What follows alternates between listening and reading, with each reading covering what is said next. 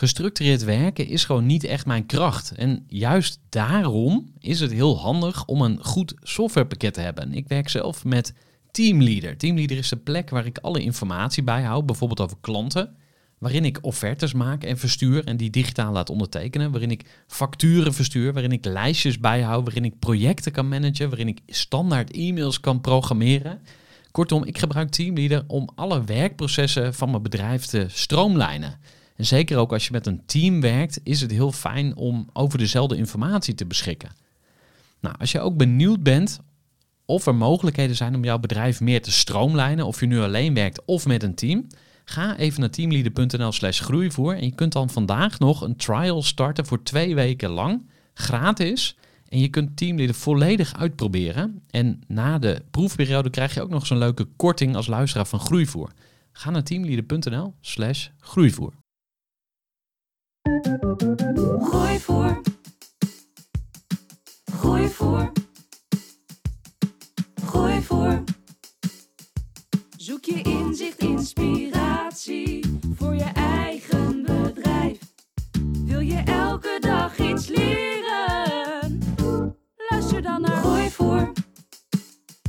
Hey, wat tof dat je weer luistert naar de Groeivoer podcast voor ondernemers. Mijn naam is Gerard de Velde en in deze aflevering van de Groeivoer podcast ga ik in gesprek met Karen van Riel van het bedrijf Outdo. Ze maken namelijk hele mooie dingen, maar ja, hoe breng je dat dan aan de man? Hoe ga je daar geld mee verdienen en hard groeien?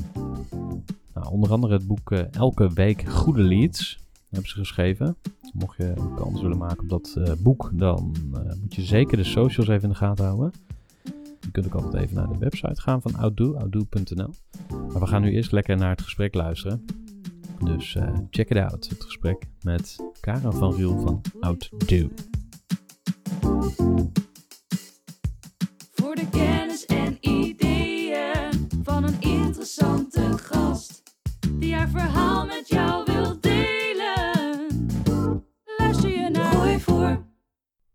Het is woensdagochtend en we zitten hier op een grijze, grauwe dag met eh, twee hele vrolijke mensen in de Groeiclub in Utrecht aan de Predikerenstraat. En eh, we zijn hier om een podcast op te nemen, de Groeivoer podcast met Karen van Riel van het bedrijf Outdo. Daar ga ik straks eh, heel veel vragen over stellen. Daar gaan we dus nog heel veel over horen. Maar eerst ehm, ja, ben ik wel benieuwd naar jouw verhaal. En wat ik in ieder geval al van je weet, is dat je sportief bent. Yes. Want wat heb jij vanochtend eh, gedaan? Nou, ik heb vanochtend eh, ben ik de dag begonnen met eh, een paar baantjes trekken, ook in Utrecht. Het was heerlijk. Lekker achter de ouderen van dagen en de studenten aangezwommen. We hadden het er net al over voor de opname begonnen. Klassieke schoolslag, dat is Mhm. mijn hele assortiment. Nou ja, ik, ik vind het lekker om tussen het ondernemen door eh, nou ja, ook wat beweging erin te krijgen. Supergoed. En eh, je woont in Utrecht, maar je komt ergens anders vandaan, zei je? Ja, dat eh, zal, nou ja, menig een al duidelijk zijn uit de eerste paar zinnen. Ik kom uit Brabant, trotse Brabander. En ja, dat zal je de rest van mijn leven blijven horen, verwacht ik.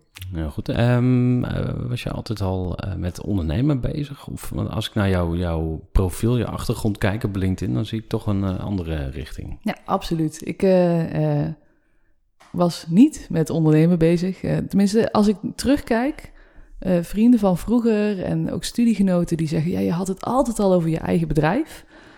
In mijn beleving is dat helemaal niet zo, maar mensen zeggen dat wel. Ehm, maar ik was bezig zelf met een heel ander eh, carrièrepad. Ik heb ooit gekozen om culturele antropologie te studeren. Oké. Eh, dat is zeg maar de baan met de minste kans op een baan. ja, nou ja. De, de En hoe- hele... hoe- hoe, ehm, ehm, stond dat altijd op je lijstje of zo? Was het van, ik weet niet wat ik wil? Nee, dit is echt de klassieke eh, marketing van eh, de universiteit die ooit goed op mij heeft gewerkt. Namelijk het opvragen van folders na, eh, ja, tijdens op de middelbare school nog. Mhm. Met wat zullen we nou gaan doen Ja. met het leven? En ik heb toen folders aangevraagd, onder andere van culturele antropologie. Ja. En wat ik daar las, ja, was eigenlijk simpelweg: het is een studie die ervan uitgaat dat nou ja, het, het gaat over de mens en over eh, eh, ja, wat hij zoal doet en wat hem bezighoudt. Eh, en dan specifiek natuurlijk, het zit dan in de naam met nadruk op cultuur. Mhm. Dus culturele antropologie, als ik het even helemaal plat sla, welke vraag je een cultureel antropoloog ook voorlegt, het antwoord is altijd ja, dat is cultuur. Ja, ja, context. En, Ja, eh, ja, ja. Dus na drie jaar was ik daar ook wel een beetje klaar mee met dat antwoord. En Hmm. toen heb ik eh, mensenrechten en internationale politiek gestudeerd in Schotland. Oké. Ehm, en eh, vanuit daar was mijn idee toen eh, om ja, iets te doen rondom Verenigde Naties, goede doelen, ja, nou ja, het, het leven inzetten voor eh, eh, een iets groter doel dan, eh, in ieder geval dan alleen geld verdienen, laat ik Ja. het even zo zeggen. Nou ja, en tijdens die studie heb ik toen besloten dat mensen heel goed zelf allerlei dingen kunnen, zoals een waterput slaan of lesgeven. Ik hoef echt niet naar een land in Afrika te gaan met mijn Brabantse koppie en te zeggen, nou, nu ga ik... te helpen, ja. Nee, dat, dat zag ik niet helemaal voor me. Maar wat ik wel dacht was, nou, waar ze wellicht wel een stukje hè, hulp, support bij kunnen gebruiken, is het geld om het zelf te doen. Want dat ligt er niet voor het oprapen. En dat is toch anders dan hier, waar je, nou ja, er zijn evenveel stichtingen eh, als Nederlanders eh, ongeveer. Dus eh, toen heb ik na mijn studie besloten om nou ja, de fondsenwerving in te gaan. Dus de Mhm. commerciële hoek Ja. van het goede doel. En waar kom je dan terecht? Wat voor organisatie?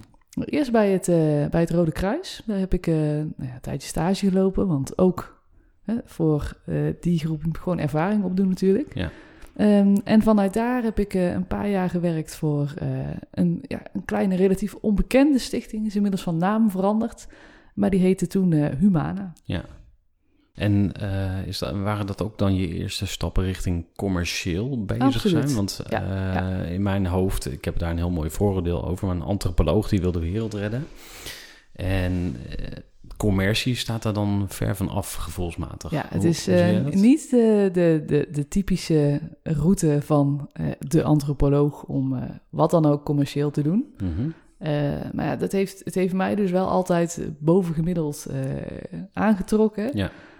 En toen ik afstudeerde was er ook totaal geen werk. Hè. De- nu is tijd dus iets veranderd. Hè. Met Ja. een goed stel hersens op je kop kan je tegenwoordig bijna overal aan de slag. Ja. Ehm, dat was toen niet zo. Ik heb echt gehad dat toen ik klaar was met, eh, met mijn studie... dat ik probeerde om een baan te vinden. Want nou ja, dat is toch wel handig eh, om iets te verdienen. eh, naar een uitzendbureau ging. En echt, die deur was ook dicht. En dus ik eh kloppen op die deur. Nou, die intercedente deed open en die vroeg aan mij, ben je hoog opgeleid? Dus ik zei, ja, ja, ja. Oh, en dan Oh, heb ik niks. Een- oh, een vreselijk. Ja, dat was echt dat ik dacht, goh.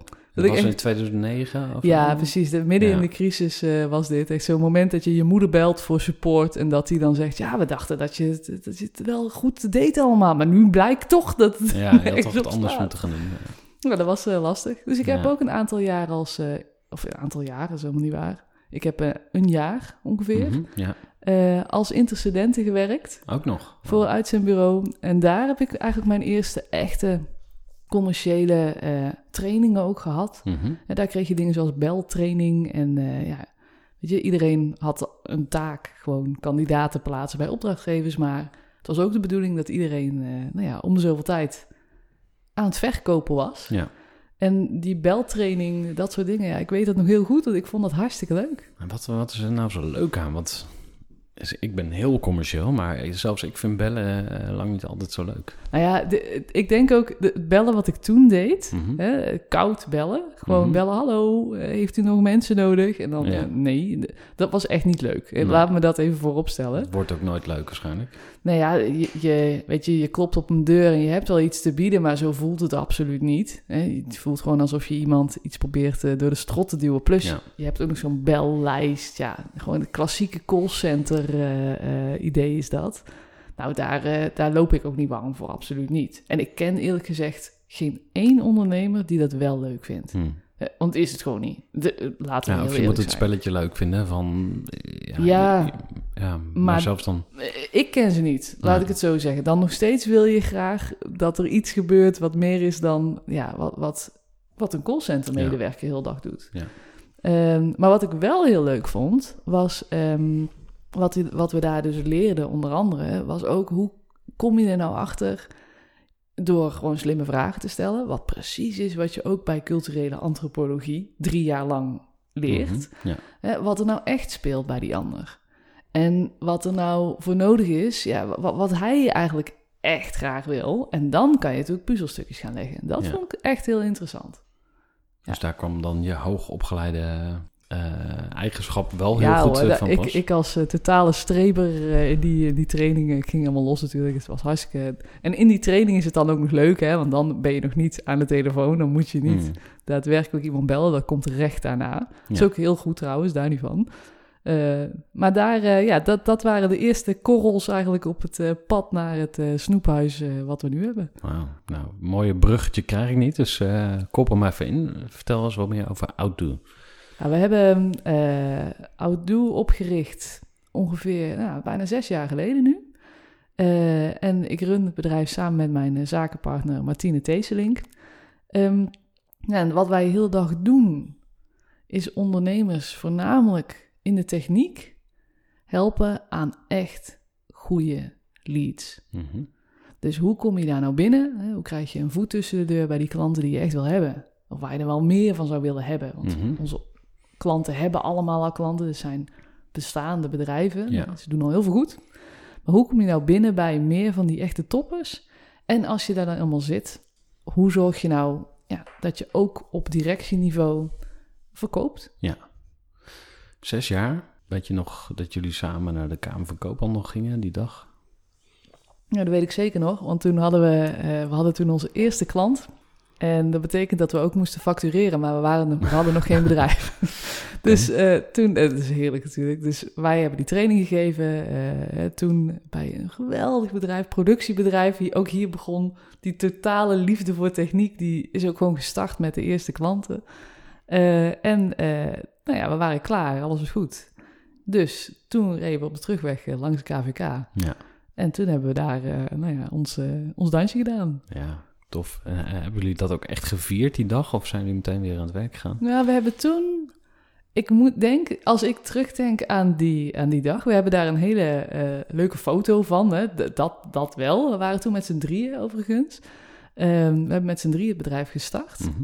Nou, uiteindelijk is één eh, partner die is in loondienst gebleven... op het moment suprême. Mhm. En ik herinner me vooral nog van die dag en van die, van die, nou ja, die periode dat het echt super eng was. Dus we hebben ongetwijfeld daar een fles bubbels opengetrokken en dingen gedaan. Maar gewoon totale angst eh, is wel het, eh, het Oh, over, echt? Ja. overheersende gevoel als ik zo terugkijk. Ja, ik vond het echt eng. Ja. Ja. Kan je dat nog wat, wat verder eh, duiden? Ja, ik weet, ik was toen, eh, toen wij het bedrijf opzetten, was ik nog in loondienst. De stap om van loondienst naar fulltime eh, ondernemer te gaan, ja, dat is toch deels met een blinddoek om eh, ergens inspringen. Ja, dat vond ik echt spannend. Ja. En ik heb daar echt, echt heel veel moeite mee gehad. Gewoon, ja, uiteindelijk, ik bedoel, ik heb het natuurlijk gedaan. En als ik nu terugkijk, denk ik, nou ja, zo lang deed ik er nou ook weer niet over. Maar qua, ehm, ja, emotioneel vond ik dat, eh, vond ik dat pittig. En hoe was dat voor jouw eh, toenmalige partners? Was er een soort rolverdeling, zeg maar, van Mhm. iemand die eh, jullie continu Ja, opzweten van, kom Ja, op, we ja, kunnen dit? Ja, En, dat, dat was er wel. maar dat was jij dus niet. Nou, da- nee, dat was ik niet. Ik bedoel, ik deed het wel. Ik was op dat moment echt, zeg maar, de, de volgende uitvoering. En geef mij een taak en, en ik doe hem gewoon. Gewoon Ja. heel erg nog... Ik had ook nooit voor mezelf gewerkt. Dus echt vanuit een soort loondienst gedachte. Mhm. Eh, ik heb dat ook echt af moeten leren om niet op die manier overal naar te kijken. Van nou, ik heb deze taak, dus ik moet er van begin tot aan het eind afmaken en dat, Mhm. dan doe ik het goed. Ja. Dus ik, eh, nou ja, ik, ik deed de dingen en dat was natuurlijk nodig. Ehm, en eh, mijn huidige zakenpartner, die zat er ook in. Die was op dat moment freelancer, dus die werkte al wel voor zichzelf. Oh, ja. Maar die wilde een, hè, tussen aanhalingstekens, een echt bedrijf. eh, wat ook schaalbaar is, kon groeien, niet Ja. uurtje factuurtje. Dus daarom hè, zat zij erin. Eh, en juist de partner Sjoukje, die uiteindelijk dus niet eh, is doorgegaan... Die, ik heb haar wel eens omschreven als zeg maar het, het vlammetje onder onze eh, heroïne. Zonder haar hadden wij het echt heel moeilijk gehad. Mhm. Want Martine en ik hadden, hebben heel veel met elkaar gepraat en eh, ja, gediscussieerd en wat zullen we gaan doen. En allemaal grote plannen op grote terrassen. Maar we hadden echt Sjoukje nodig. Die zei, ja, alright, eh, maar Aan gaan, wat, wat gaan we doen dan? Ja. En gewoon nu. En dat, dit hele praktische en gaan met die banaan, dat hebben wij echt nodig gehad. En ondertussen, hè, nu, nu loopt het en is het allemaal, eh, dit is alweer, nou, nogmaals, is zes jaar geleden. Ja. Maar ik ben haar daar wel ontzettend dankbaar voor dat zij er toen was. Hè, dat ze ook die rol eh, eh, pakte.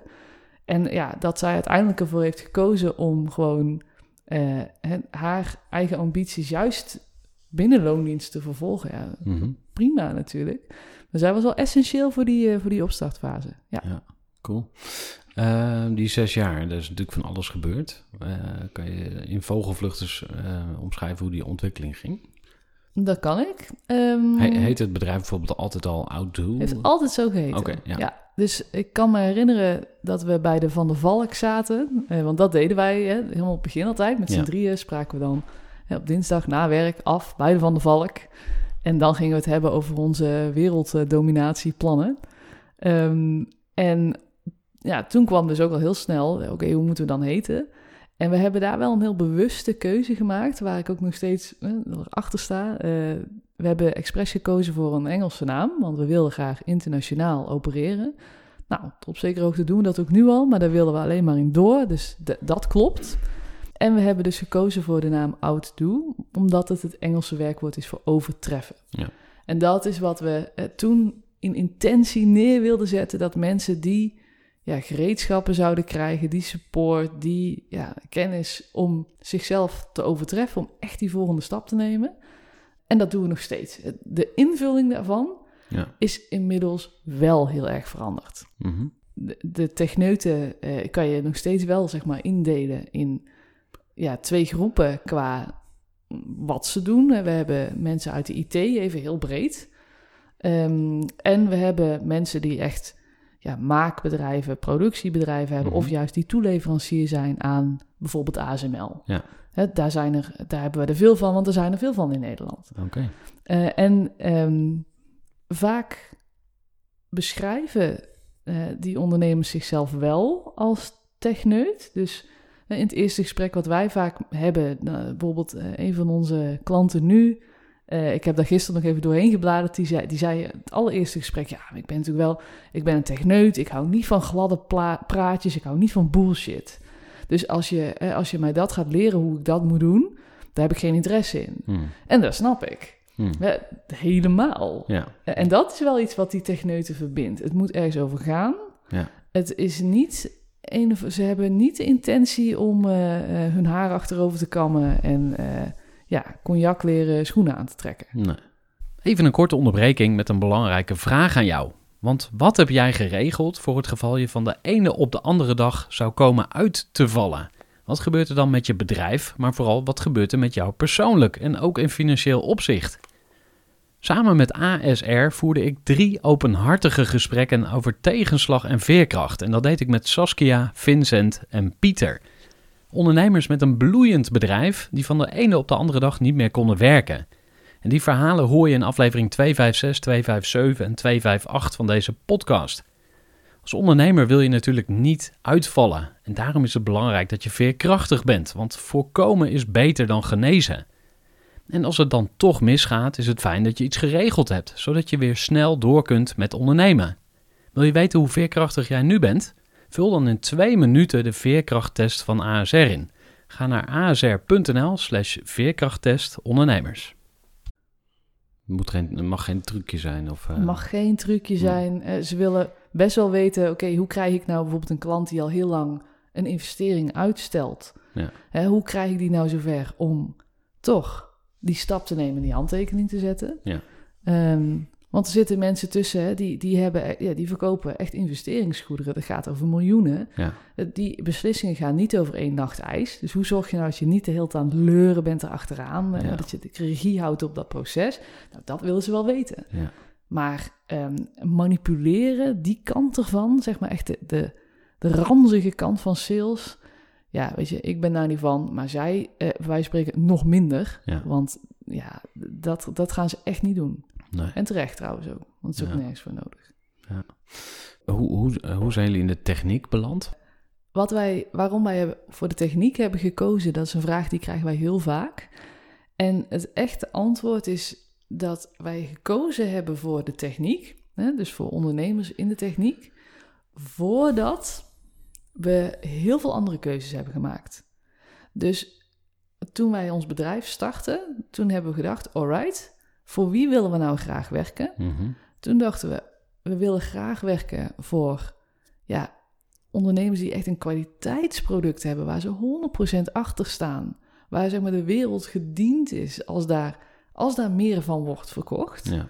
Hè? Maar die niet per se al hebben geleerd. Want dit is gewoon, je kan de, al deze dingen gewoon leren. Mhm. Hoe je dat nou zo goed mogelijk aan de man brengt. Zowel in marketing Mhm. als in sales. Ja. En die, mijn zakenpartner die is, eh, eh, die is ingenieur. Die is eh, technisch opgeleid. Ja. Dus zij kende die wereld al beter. Vooral de IT-kant ervan. Mhm. Nou, nogmaals, ik ben cultureel antropoloog, dan wel mensenrechten specialist, als je het zo mag noemen. De- verder ervan af kan je bijna niet Ja. staan. Maar ik wilde ook heel graag dat juist de mensen die iets heel tastbaars te verkopen hebben. En dat kan ook best een IT-dienst zijn, hè, maar we zijn dus gewoon echt letterlijk begonnen met ja, polsbandjes die, eh, die, eh, die, eh, die je krijgt als je naar Lowlands gaat. Die dingen Hmm. die, moeten echt, die worden gemaakt. Ja. En die worden gemaakt in Nederland. Oh ja, oké. En het bedrijf wat die dingen maakt, ja, die heeft polsbandjes om te verkopen. Ja. En hoe doe je dat nou, zeg maar, op de best mogelijke manier? Ja, dat vind ik een hele interessante vraag. En vanuit daar zijn we dus ja, eigenlijk gegroeid. En omdat we vanaf het begin af aan de deur hebben dichtgehouden voor alle klanten die niet hè, uit de techniek, en hoe breed is techniek? Hè? Mhm. Nog steeds zijn hier heel veel smaken natuurlijk. Maar omdat we die deur hebben dichtgehouden voor alle klanten die niet uit de techniek kwamen, Ja. komen, ehm, weten we daar ondertussen natuurlijk heel veel van. En dat maakt dat als we een voorbeeld geven in een training of als wij een boek schrijven, ja, dan gaat dat. Ja. Staat helemaal ramvol met cases uit de techniek. En dat maakt het juist zo interessant voor die mensen die, ja, die daar stappen in willen maken. Ja. Dat je geen voorbeeld krijgt over alweer die eeuwige autoverkoper of zo. Ja, dat is allemaal leuk, maar ze verkopen geen auto's. Ze verkopen een verpakkingsmachine Ja. of een, weet ik veel, cloud services. Ja. En dan is het wel heel lekker als je kan zeggen, nou, gisteren had ik ook iemand die verkoopt ook cloud services. Ja. Dus ik heb er wel een paar ideeën over. Ja. Ja, dat maakt het leven gewoon makkelijker. En dat is een van de redenen dat wij ook altijd het tegen hen zeggen, kies nou voor wie je er wil zijn. Want vanuit daar ja, wordt alles makkelijker. Je marketing, je verkoop, alles. Klinkt als eh, focus, iets wat eh, elke ondernemer heel vaak hoort. En dus eh, dan denk ik, oh ja, focus, inderdaad, dat is belangrijk. En dan vervolgens ga ik toch weer allerlei andere dingen doen. Mhm. Eh, soms ook uit de nood geboren, dat je denkt, hmm, ja, het is net iets te rustig. Ik eh, Mhm. ga toch nog eens even die ene klant bellen. Dat is het moeilijkste, hè? om dan op je handen te blijven zitten. En, Mm. en eh, kijk, het is ook niet altijd natuurlijk. wij zeggen ook altijd tegen de ondernemers in ons programma.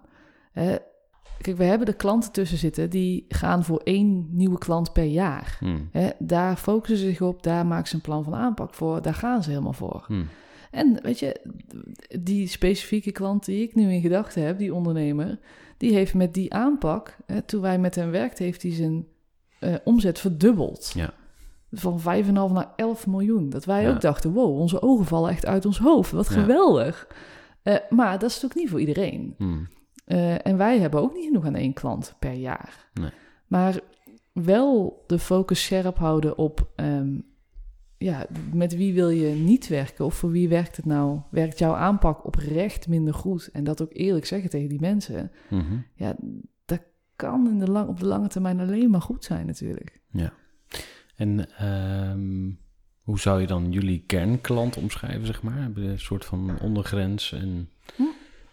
Eigenschappen waar een klant aan moet voldoen? Ja, wij hebben het hier, eh, eh, zoals je misschien kan voorstellen, vaak over. Ja. Ehm, en voor ons, wij hebben echt, wij hebben selectiecriteria, die vind je ook overal, zeg maar, terug als je, eh, als je met ons werkt, als je naar onze website gaat, als je gesprek aan wil vragen, dan moet je al door een selectiecriteria moet je al heen, Oké. een lijst. Maar ook omzet, dat soort dingen? Of, ja, eh, dus we vragen echt, wat is je omzet eh, nu? Waar wil je naartoe?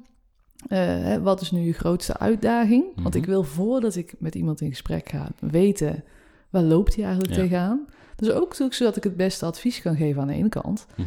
Eh, gelijk. Ja. Eh, maar ook als hij zegt, eh, nou, mijn grootste uitdaging is, ik kan echt geen goede mensen vinden. En het, het werken zit me helemaal tot hier.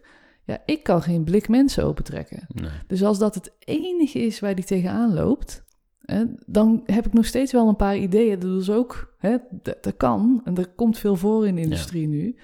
Ehm, maar een beter voorbeeld waarschijnlijk. We hebben ook wel eens een aanvraag gehad van een ballonartiest. Echt letterlijk. En, Wat, is, wat is een ballonartiest? nou, iemand, ja, precies eigenlijk wat je denkt, die, eh, van die, woe, van die hele Nee, grote... Jawel, jawel.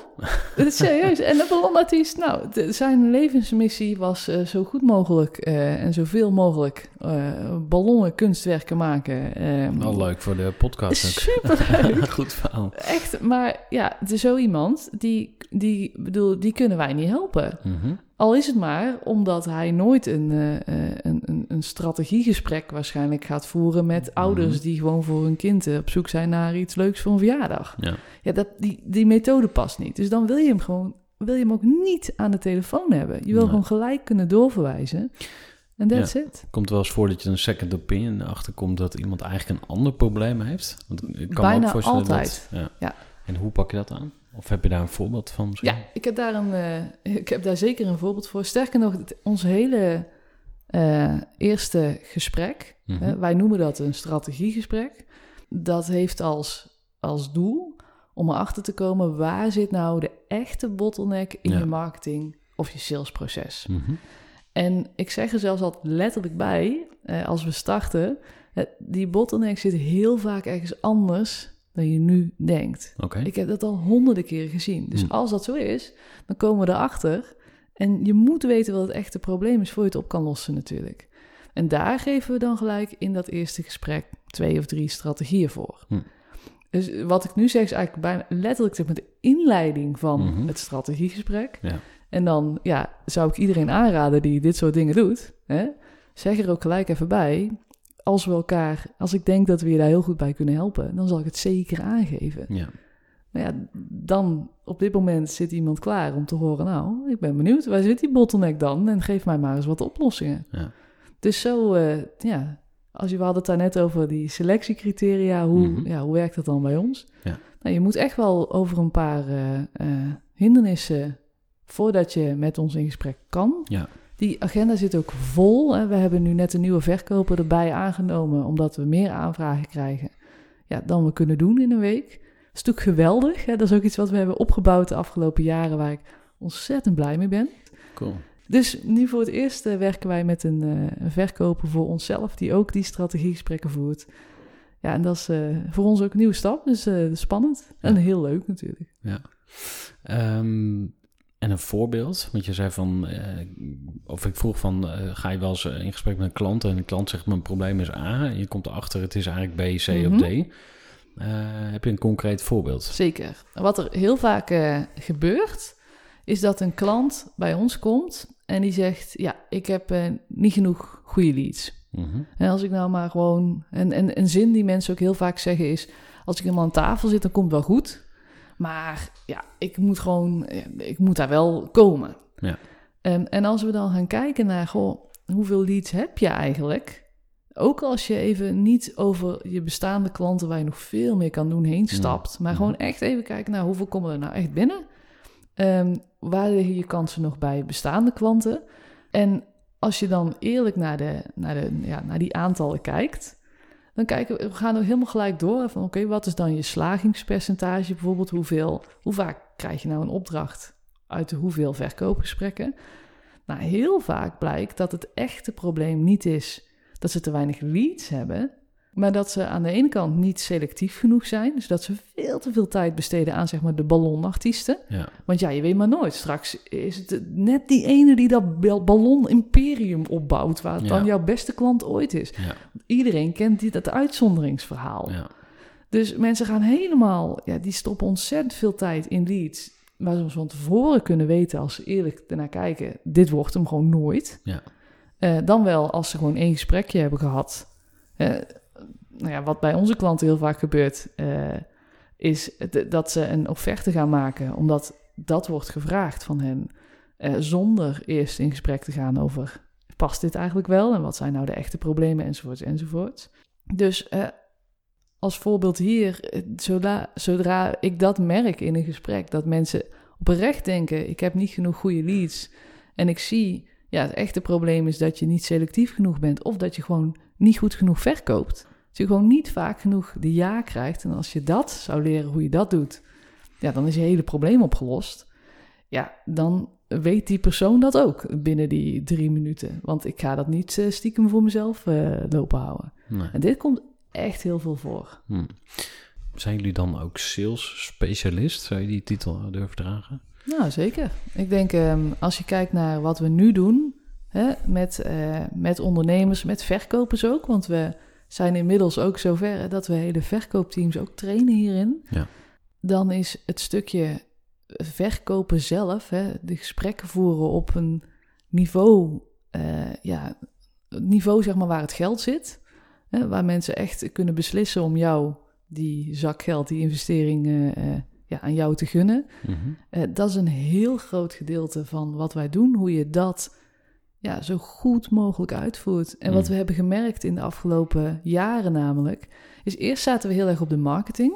En dat hebben we niet losgelaten, hoor, want je hebt nog steeds iets nodig om binnen te komen bij die klanten. Eh, als Kan je dat eens schetsen hoe je marketing en sales Mhm. eh, ziet, zeg maar? Ja, ik denk, eh, ik zie marketing en sales als twee verschillende dingen. Mhm. Ik zie marketing als de dingen die je doet, hè, marketingacties, om aan tafel te komen bij die klant. Dus- Zichtbaarheid creëren of zo? Of Absoluut. eh, interesse wekken? Ja, of- ja nee, ik ga nu al grimassen hier, want wat, wat, dit is wat de meeste mensen dan zeggen: naamsbekendheid, zichtbaarheid. Eh, natuurlijk hè, is dat nodig als niemand weet wat je, dat je bestaat. Nou ja, dan krijg je ook geen afspraken. Mhm, ja. Maar een van de, de, het enige doel van marketing is wat ons betreft afspraken inplannen. Oké. Dat is het enige waar het over moet gaan. En da- daarmee haal je ook al die wazige praat ervan af. Hm. Want mensen zeggen vaak, ja, het is niet tastbaar en ik kan het niet meten. Je kan het wel meten. Hm. Je kan gewoon precies zien, als je er eerlijk naar durft te kijken, hè, uit welke marketingactie wel een gesprek kwam met een goede potentiële klant Hm. en uit welke niet. Ja. Daar kan je doelen opstellen, daar kan je hè, in verbeteren. Maar niet als je dat doel niet hebt gesteld. Als je niet hebt gezegd, er is maar één doel voor marketing en dat is afspraken maken. Ja. Dus het verschil tussen marketing en sales is alles voor de afspraak. Is marketing, Mhm. daar moet het ook helemaal naartoe leiden. En Ja. dat wil je op een slimme manier doen. Wij zeggen altijd, je hebt daar een wortel nodig om voor de neus van die klant te bungelen, zodat je die afspraak krijgt. Eh, en zodra je dus die wortel hebt, dan kan je hem in al je marketing inzetten. En daarna komt de sales. En daarin, de makkelijkste manier om daar gewoon de ja te krijgen, echt op een concreet vervolg, of dat nou de opdracht al is, of de vervolgstap. De makkelijkste manier om dat te doen, is gewoon een steengoed verkoopscript volgen. Hm. Oké. En ik bedoel ik niet een of ander callcenter script. Leg eens dan- uit, dat klinkt inderdaad callcenter. Ja, maar- ja mensen, hè, als ze horen het woord script, dat eh, roept hele gemengde eh, reacties op. Ja, ik- Ehm, ja, precies. ja, ik, ik, ik snap, ik ze snap dit, hè, ja. absoluut. Volkskrant belt, ja, we hebben, mogen u een aanbieding doen. Ja, ik heb geen interesse. Oh, nou, eh, hoe komt dat? Ja, nou, dus dat, een verschrikkelijk. soort fuik waar je in zwemt, Absoluut. En da- dat, is, dat, dat is een gruwel. En dat Mhm. is zeg maar ongeschoold werk. Wat je kan doen hè, in plaats van vakken en dan vullen. je- ja. En hè, en that's it. Desalniettemin, hè, laten we niet vergeten... als de Volkskrant niet zou verdienen hieraan... dan zou ze Mhm. wel mee zijn gestopt. Ja. Dus het is niet dat het niet werkt, maar... hè, ik snap, als jij een machine van een miljoen wil verkopen... of een softwarepakket hè, van 15.000 euro aan licenties... dat het niet voelt alsof dat een eh, manier is die werkt. Ja. En Maar dat het werkt dus wel. Alleen, eh, dus je verstaat er iets anders onder, onder script. Ja, ja en nee. Hè. Mhm. De script is nog steeds, eh, je volgt ehm, in ieder verkoopgesprek volg je verschillende blokken. Ja. Ehm, eh, er zitten in ieder ver- verkoop, goed verkoopgesprek altijd sowieso vier blokken. Als ik, als ik even het, het, ja, een goed verkoopgesprek opbreek, Mhm. dan heb je een inleiding waarin je de regie pakt. Dan daarna komen de vragen. Hè, en de, de spinmethodiek werkt daar als je in de zakelijke hè, business-to-business verkoop zit ontzettend goed. Omdat je daar ja, de mannen van de jongetjes onderscheidt. Hè? Eh, die, die maken hier eh, de splitsing. De mensen die echt durven door te vragen naar wat Mhm. zijn nou echt de gevolgen van hetgene ja, wat hier speelt, van jouw Ja. probleem. Als Want, je dat hebt, Misschien moeten we daar heel, heel even op inzoomen, want eh, wij kennen allebei spin. Maar Mhm. Kan jij het dus simpele mensentaal uitleggen? Tuurlijk, Voor wie het niet kent. tuurlijk. De spinmethodiek Mhm. is een methode, een salesmethode, Mhm. verkoopmethode, die ontwikkeld is door eh, Neil Rackham. Mhm. Eh, die heeft dit getest. Dit komt eigenlijk, eh, dit is niet iets wat is bedacht en daarna zeg maar is uitgevoerd en om te kijken, oh, werkt het of niet? Het is juist andersom. Mhm. Dus hij heeft een, een onderzoek gedaan onder 10.000 verkopers in de zakelijke dienstverlening, dus allemaal business to business. En hij heeft gekeken, wat onderscheidt nou echt de toppers van de ja, gewone menselijke collega's? Mhm. Ja. En hij kwam er dus achter dat eh, die echte eh, toppers, hè, die stelden een specifiek soort vraag, veel meer dan Mhm. hun collega's.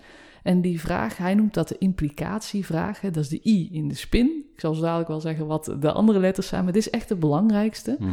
Ehm, die vraag, hè, die is bedoeld om erachter te komen, alright, stel dat dit probleem waar we het hier nu over hebben, dat dat gewoon blijft voortbestaan, of dat dat de komende jaren er nog is. Hè, hoeveel tijd, hoeveel geld heeft je dat al gekost? Als we er niks aan doen, wat gaat het je dan nog kosten dit jaar? Gaat je vrouw bij je weg als eh, jij iedere avond overwerkt om dat op te lossen? Goh, moet je dan ook je huis uit? Ja. Dit klinkt een beetje hè, grof, ja. en je kan natuurlijk puur eh, eh, zakelijk houden. Je hoeft het echt die vrouw er niet bij te halen. Maar het gaat er wel om dat die ander echt even voelt... wacht eens even, als ik niks doe... dan gaat dit mij nog veel meer pijn doen dan nu. Dus beter neem ik wel die stap. Ja. Nou, daar kwam eh, meneer eh, Rackham eh, achter. En toen heeft hij, daarna heeft hij dus een methode eigenlijk daaromheen gebouwd... Mhm. En hij zegt, je hebt vier soorten vragen. De spinvragen, situatievragen, implicatievragen. Eh, of sorry, situatievragen, dan komt de P natuurlijk nog, probleemvragen, Mhm. implicatievragen. En eh, een hele gare Nederlandse vertaling naar de toekomst vragen. Waarin je kijkt, Niet of zo. Of... ja, ik, niet payoff is Ja. het in het Engels. Mm. En dat betekent simpelweg dat je, als je iemand helemaal hè, hebt In de- uitgesmeerd over de grond, want oh mijn god, wat doet het toch zeer allemaal, dan wil je wel een stukje licht aan het einde van de tunnel kunnen laten zien. Ja. Hè? En dan moet je dus weten, alright, wat, wat verlangt hij nou eigenlijk? Wat zou je nou echt graag willen? Wanneer gaat de vlag uit? Ja, eigenlijk, eh, want ik heb wel eens iemand gesproken hierover, die gaf ook eh sales trainingen en die legde de spin methodiek ook zo eh, op een bepaalde manier uit. Eh, hij zei op een gegeven moment van ja, en op een gegeven moment dan, dan zit die kla- klant in een moeras en dan moet je hem er nog dieper induwen, weet je wel. En dat ging dan over I, de implicatie, Mhm. dus eigenlijk de klant bewust maken van hoe erg zo'n probleem eh, Mhm. wel niet is. En ik kreeg er toen een heel naar gevoel bij, of een dubbel gevoel. En ik denk dat meer mensen dat zullen hebben Ja, als je het zo eh, uitlegt. Ja. Ehm, maar je kan hem ook anders interpreteren. Dat is namelijk dat je ehm, de klant de waarheid vertelt. En dat is misschien wel, eh, of dat triggert mij in ieder geval. Ik denk van, hé, hey, een- snap als ik. ondernemer wil je heel vaak je ogen sluiten voor de realiteit. Of je ziet het niet, omdat je in je box zit, zeg maar. Mhm. Dus als iemand van buiten komt, eh, die kijkt misschien met frisse ogen naar jouw probleem. Mhm. Plus ehm, is misschien bereid om echt eerlijk tegen je te zijn. Terwijl Ja. je medewerkers durven het misschien niet. Ja, Je partner eh, ook niet. En misschien Ja. dat je het zelf ook niet durft, zeg maar. Dus dat je het niet onder ogen wil zien. absoluut. Absoluut. Dus daar kan een verkoper in die zin ehm, eh, een goede rol spelen. Klopt. Alleen, en ik, ja. ik begrijp ook helemaal, want wij, wij horen dit natuurlijk ook veel, hè? Hè, dat, eh, dat idee, wat jij net beschrijft, iemand staat al vast in een moeras. Hè? Dit is trouwens ook de waarheid dan. Hè? Het is niet dat je iemand een probleem hebt aangepraat. Nee. Want dat is een heel, daar hebben we het niet over, dat, dat. Ja. Maar als iemand een echt probleem heeft, hè, dan is het jouw taak om die persoon op dat moment nog even wat dieper in dat moeras te, te, te duwen. Dat, ik snap dat dat klinkt als echt heel akelig. Ehm, echter, hè, je hebt dat zelfs als je ook nog iemand de waarheid vertelt, dan gaat het over vertellen, wat jij net zegt. Het, wij, wij noemen dat altijd voelen. een interventie die je hier doet. En dat is geweldig. Ik, dat is wel voor ons dat echt een gevorderde techniek. Hè, die we ook met onze klanten deden. Die geweldig werkt. Maar je zal die ondernemer, die klant, je zal hem pijn moeten doen voordat je die interventie doet. Dat kan niet zijn dat jij het gewoon vertelt. Hè, dat komt daarna, kan je nog steeds he- heel hard in één zin kan je de waarheid zeggen. Maar het is echt nodig dat iemand even voelt hoe zou het leven zijn als ik mijn probleem niet oplos? Ja. Want als je het niet doet, dan help je die klant absoluut niet. Want die gaat nog steeds, die is zo gewend aan een bepaalde situatie. Mm, ja. ja, dus mensen zijn ook enorm... eh, dat is evolutionair bepaald ook. Hè? Dus eh, mensen zijn van nature conservatief. Ik heb wel eens iemand horen zeggen dat eh, als je iemand wil veranderen... dan is de huidige situatie... als de huidige situatie is één punt... dan moet je daar tegenover stellen vier punten... om iemand over de streep te trekken. Dus Ja. als iemand gewoon gewend is aan... Weet ik veel, ik rij altijd de auto X. Ja. eh, dan moet je heel veel moeite doen. Ik zie dat bijvoorbeeld bij mijn vader, die rijdt Ja. al jaren Peugeot. Ik krijg hem gewoon niet omgeluld voor een andere auto, want eh, dat zit gewoon zo in zijn systeem. Terwijl er zijn misschien veel betere auto's, zuinigere auto's, groenere auto's, maakt allemaal niet uit. Maar eh, mensen zijn gewoontedieren. Ja, Geldt trouwens ook voor eh, als ik met klanten werk bijvoorbeeld, eh, die bij eh, een bepaalde klantengroep zitten die niet zo rendabel is. Mhm. Nou, probeer zo'n klant maar eens naar een andere eh, segment te krijgen, Ja. zeg maar. Of ehm, als iemand altijd gewend is om korting te geven, krijg iemand maar eens uit, uit die gewoonte. Dus eigenlijk Ja. hebben we het over ingesleten patronen. zeker weten. Zeker weten. En dit is ook een van de dingen, eh, ik vind dat persoonlijk ook verschrikkelijk interessant. Hè? Mm. Hoe werken die hersens nou? En vooral ook die ingesleten gewoontes. Ja, En het is ook een van de redenen dat wij de afgelopen, in het afgelopen jaar een paar echt significante dingen hebben veranderd in ons eigen hè, aanbod, in wat we met klanten doen. Want we hebben gemerkt dat als mensen de meest geweldige hè, inzichten opdoen, of het eigenlijk wel zien, hè, ehm, het bewijs wordt pas geleverd als ze het ook echt gaan doen. Het is natuurlijk Mhm. altijd waar, hè? het is zo'n ontzettend cliché. Eh, maar wat we dus hebben gedaan, is als we nu bijvoorbeeld een, een masterclass geven die gaat over een onderwerp zoals hoe voel je een strategiegesprek. Nou, vragen zijn daar dus een onderdeel van. mhm.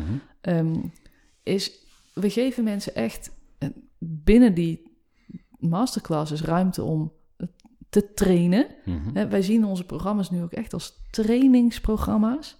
Want al deze dingen zijn skills die je kan trainen, maar dan Mhm. alleen door het te doen ga je nieuwe baantjes in je, in je hersenen leggen. En mensen gaan nu tegenwoordig dus ook echt naar huis met trainingsschema's. Hm. Dus zij weten gewoon exact, oké, dit is wat me te doen staat eh, om die doelen te halen. En we merken gewoon dat de mensen die tien vinkjes hebben gezet, eh, dat zijn de mensen die zeven afspraken hebben met Hm. goede potentiële klanten. Ja. Ehm, het- leven kan zo simpel zijn, behalve eh, als je het heel moeilijk maakt. Ja. dus eh, zo'n simpel vinksysteem, trainingsschema's, echt constant ook in de, ja, in de weken daartussendoor hè, hebben wij ook steeds eh, contact met onze klant. Van, hey, wat heb je nou gedaan? Hè, wat kunnen we gelijk nu samen oefenen, zodat het zo dadelijk beter gaat met die echte klant? Ja, het is gewoon raar, vind ik, dat, ja, dat, dat je in dingen die zo essentieel zijn in je bedrijf, zoals sales, hè, gewoon die grote pitch die je wel wil winnen, hè, maar ook net zo goed kan verliezen, die jouw jaar kan maken of breken, hè, dat je dat niet van tevoren zou oefenen met een echt mens Ja, die gewoon reageert op het moment dus dat nog niet alles online is. ja, Dat is toch bizar? En maar hoe Hmm. vaak oefen je nou een verkoopgesprek? ja. ja zelden. En dat is zo verschrikkelijk zonde. Want als je tien keer datgene zou oefenen met, ja, dat kan je partner zijn, dat kan hè, een, gewoon een collega zijn, een zakenvriendin. Dan, dan word je daar zo verschrikkelijk snel beter in. Maar mensen doen het Hmm. niet. Nee. Oké, ehm, dus eigenlijk heb je het dan over optimalisatie van het salesproces. Moet een ondernemer wel zijn eigen sales doen? Het korte antwoord is eh, ja, ja en nee. Dit is echt een antropologe antwoord, verschrikkelijk. Eh, alles is grijs en niks is zwart of wit. Ehm, maar als de vraag is, moet een ondernemer zijn eigen sales doen? Dan, ik denk niet per se. Maar je moet als ondernemer wel precies weten hè, ehm, waar jij wil dat jouw sales aan voldoet. Dus ik vind echt dat uh, je als ondernemer vrij dictatoriaal mag optreden naar je verkoopteam toe. Wij werken heel veel met ondernemers. Nou, die hebben uh, grote verkoopteams. Die doen echt niet al hun sales zelf. Nee. Ik zou nooit zeggen, nee, je moet terug naar... Dat kan helemaal niet. En dat is ook niet wenselijk. Mhm. Um, maar wat er dan heel vaak gebeurt, is dat zij dingen zeggen zoals... Ja, het zijn, het zijn toch verkopers, hè? Dus die moet je vrij laten. Je Ja. moet hen de vrijheid geven. En daar zeg ik, nee, dit is gewoon niet waar. Bedoel, natuurlijk moet iemand zijn eigen ehm, eh, persoonlijkheid niet... Het, het zijn geen robots en zo moet je mensen nooit behandelen.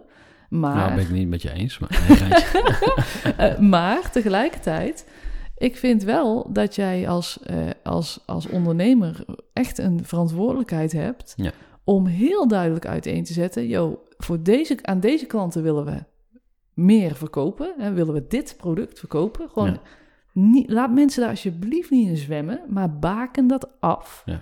En dit zijn, hè, ik vind echt, je mag gewoon eisen van al je verkopers. Dit zijn de, hè, de vier dingen die ik wil dat je in ieder verkoopgesprek doet.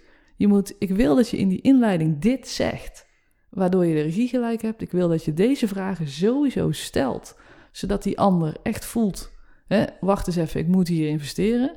Ik wil dat je een stukje advies geeft. eh, en dat je hier wil, moet je dus als ondernemer ook echt afbakenen wat je wel en niet kan geven op zo'n moment. Want anders wordt het eh, een, een, een, uur lang advies geven, waarna die klant zegt: Oké, dankjewel, doei. En ik wil dat je een echt aanbod doet. Hm. En daar mag je mensen, en sterker nog, moet je hè, mensen mee helpen om dat goed voor elkaar te krijgen. Mhm. Eh, en je mag ze er ook op afrekenen. Want als ze niet die vier stappen hebben gevolgd, ja, waar zijn ze dan mee bezig?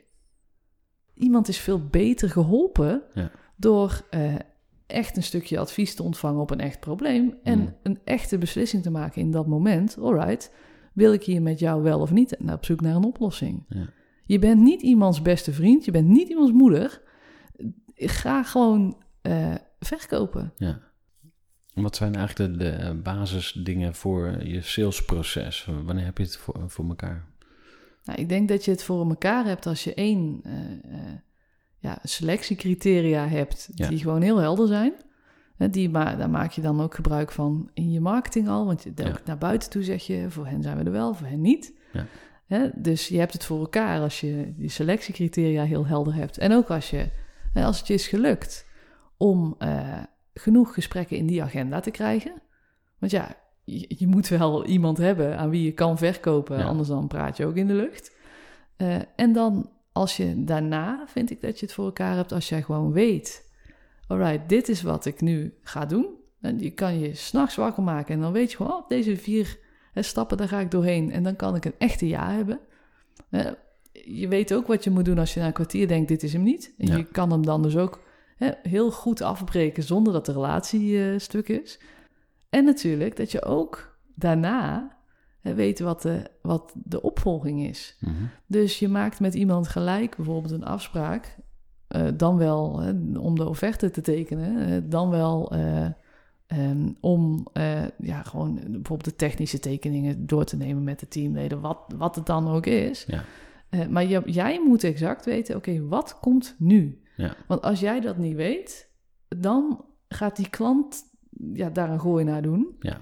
En dan zijn jullie daarna allebei ongelukkig. Dus je hebt nodig marketing die leads oplevert. Ja. Met echt goede, gekwalificeerde eh, potentiële klanten.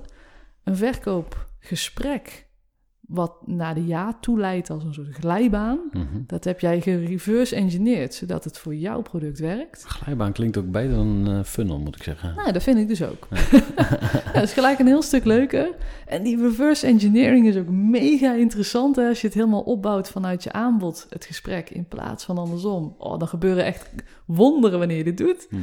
Eh, ja, en dus daarna heb, heb jij nog steeds de regie stevig in handen. Mhm. Omdat jij de vervolgstappen hebt uitgezet. Die klant die moet jou kunnen volgen in iedere stap. Ja, makes sense. En dat, dat staat ook in jullie boek, want eh, dat noemde je zo even terloops, maar jullie hebben een boek geschreven. Ja, Hoe we heet, wat is de titel? De titel van ons boek is Elke week goede leads. Oké. En eh, we hebben Met dat... een paperback of een... eh, ja, is een paperback, inderdaad. En we Want je wordt dit- natuurlijk overspoeld eh, bij de online marketing met in 10 stappen meer klanten, v- 25 tips voor Ja. succes, bla bla bla. Al die, ja. ik noem het even e-book crap, Ik snap zeg maar. het. Nee, dit is de 285 pagina's aan echt letterlijk hoe doe je het. Ja. Dus ik gaf net al even een voorbeeldje. We hebben dus echt mensen die, eh, die helemaal nooit aan onze trainingsprogramma's hebben Ja. meegedaan. Die gewoon met de stappen uit dat boek Ja. hè, klanten binnenhalen. En zo is het ook bedoeld. Dat je gewoon de... We houden daar niks achter. hè, Mhm. dus je krijgt de hele aanpak. En wat kost het boek? 29,95. Oké, en eh, hoe heet het ook alweer, zei je? Elke week goede leads. Elke week goede leads. Er staat gewoon op bol.com, mm, Overal. managementboek. Ja hoor, we hebben in de top 100 van eh managementboeken Aha. dit jaar ook staan. Cool. Hartstikke leuk.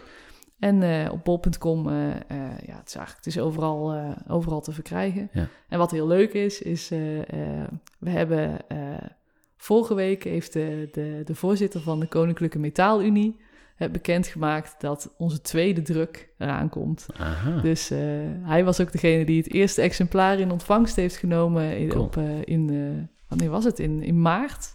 Nou ja, nu zijn we dus bij, de, bij de tweede druk, dus dat is hartstikke Ja. leuk. Gefeliciteerd. Thanks. Cool. Um, heb je nog meer leesvoer, uh, tips, groeivoer Ja, uh, tuurlijk. voor salesmensen of Ja. ondernemers die meer willen Heb verkopen? ik, heb ik sowieso. Oké, hit me. Uh, nou ja, ik vind zelf, ja, dat is dan de klassieker over die spinmethode waar we het al over hebben gehad. Mhm. Neil Rackham heeft een boek geschreven, dat heet Spin Selling. Ja. En wat wel geinig is, hij heeft ook een werkboek hierbij uitgebracht. En ja, ik vind dat zelf heel goed, want daar ga je dus je eigen vragen ook helemaal maken. Hij heeft daar hele goede oefeningen. Ja, en we zeiden net al, wat nodig is om het te laten werken, is natuurlijk oefenen. Ja. In plaats van het gewoon absorberen Ja. als lezer en hopen dat het er ooit een keer uitkomt. Dus dat dwingt je om gelijk ook met die stof aan de slag te gaan.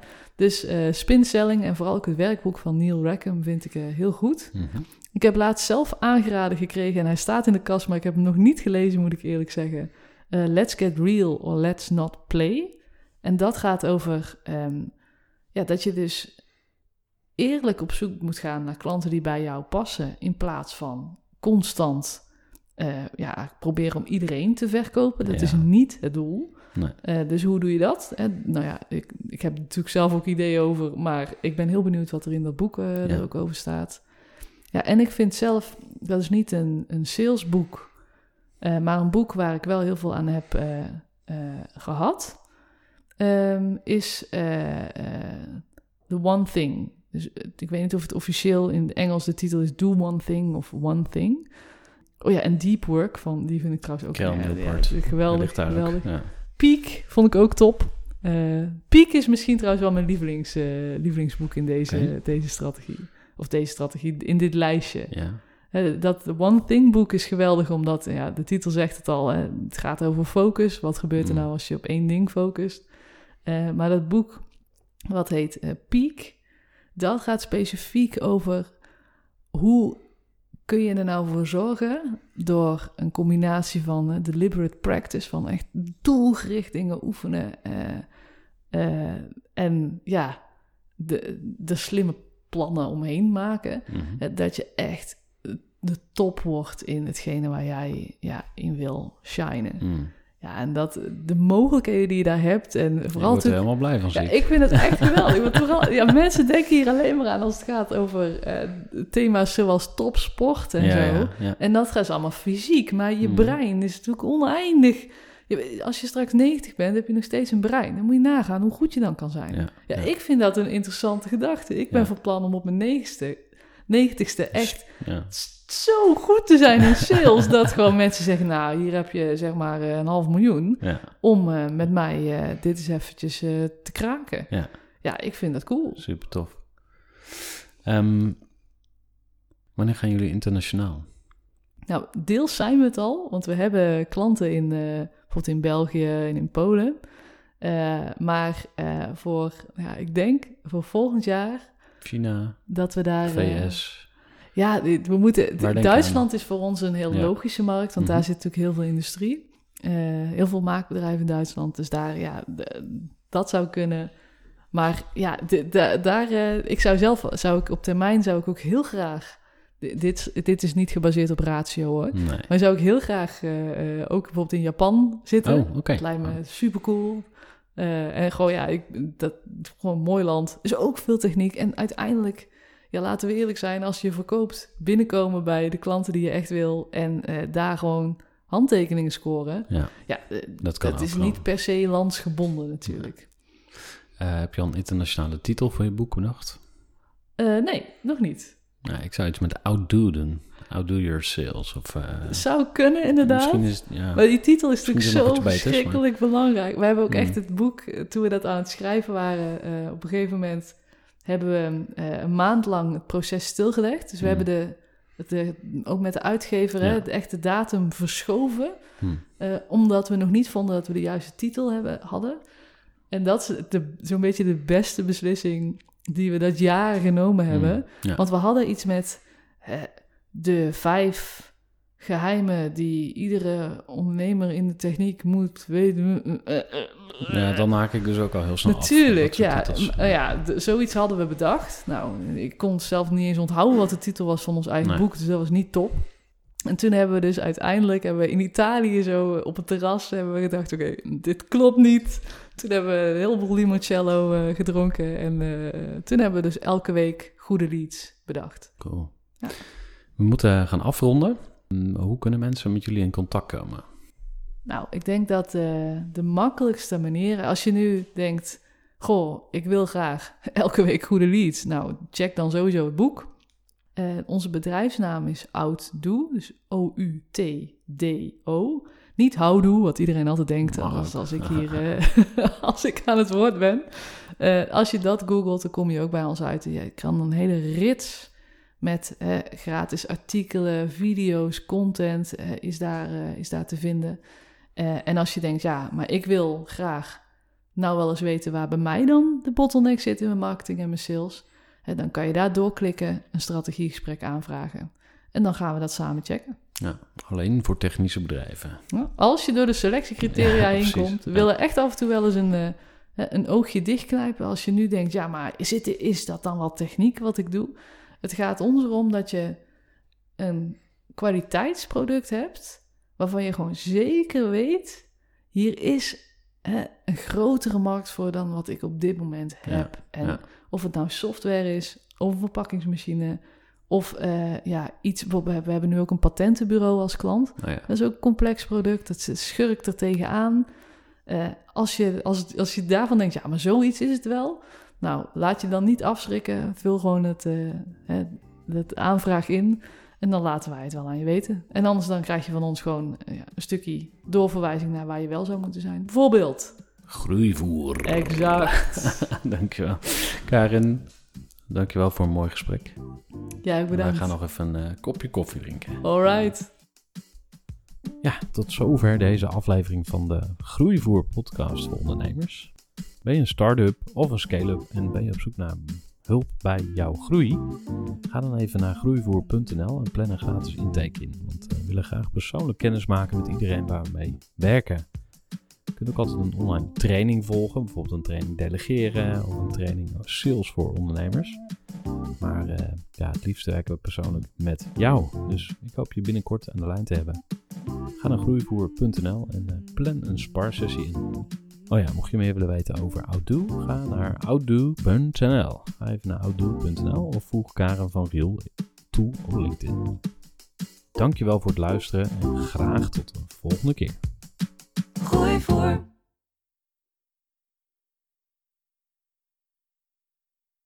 Gestructureerd werken is gewoon niet echt mijn kracht. En juist daarom is het heel handig om een goed softwarepakket te hebben. Ik werk zelf met Teamleader. Teamleader is de plek waar ik alle informatie bijhoud, bijvoorbeeld over klanten. waarin ik offertes maak en verstuur en die digitaal laat ondertekenen, waarin ik facturen verstuur, waarin ik lijstjes bijhoud, waarin ik projecten kan managen, waarin ik standaard e-mails kan programmeren. Kortom, ik gebruik Teamleader om alle werkprocessen van mijn bedrijf te stroomlijnen. En zeker ook als je met een team werkt, is het heel fijn om over dezelfde informatie te beschikken. Nou, als je ook benieuwd bent of er mogelijkheden zijn om jouw bedrijf meer te stroomlijnen, of je nu alleen werkt of met een team, ga even naar teamleader.nl slash groeivoer en je kunt dan vandaag nog een trial starten voor twee weken lang, gratis. En je kunt Teamleader volledig uitproberen. En na de proefperiode krijg je ook nog zo'n leuke korting als luisteraar van Groeivoer. Ga naar teamleader.nl slash groeivoer.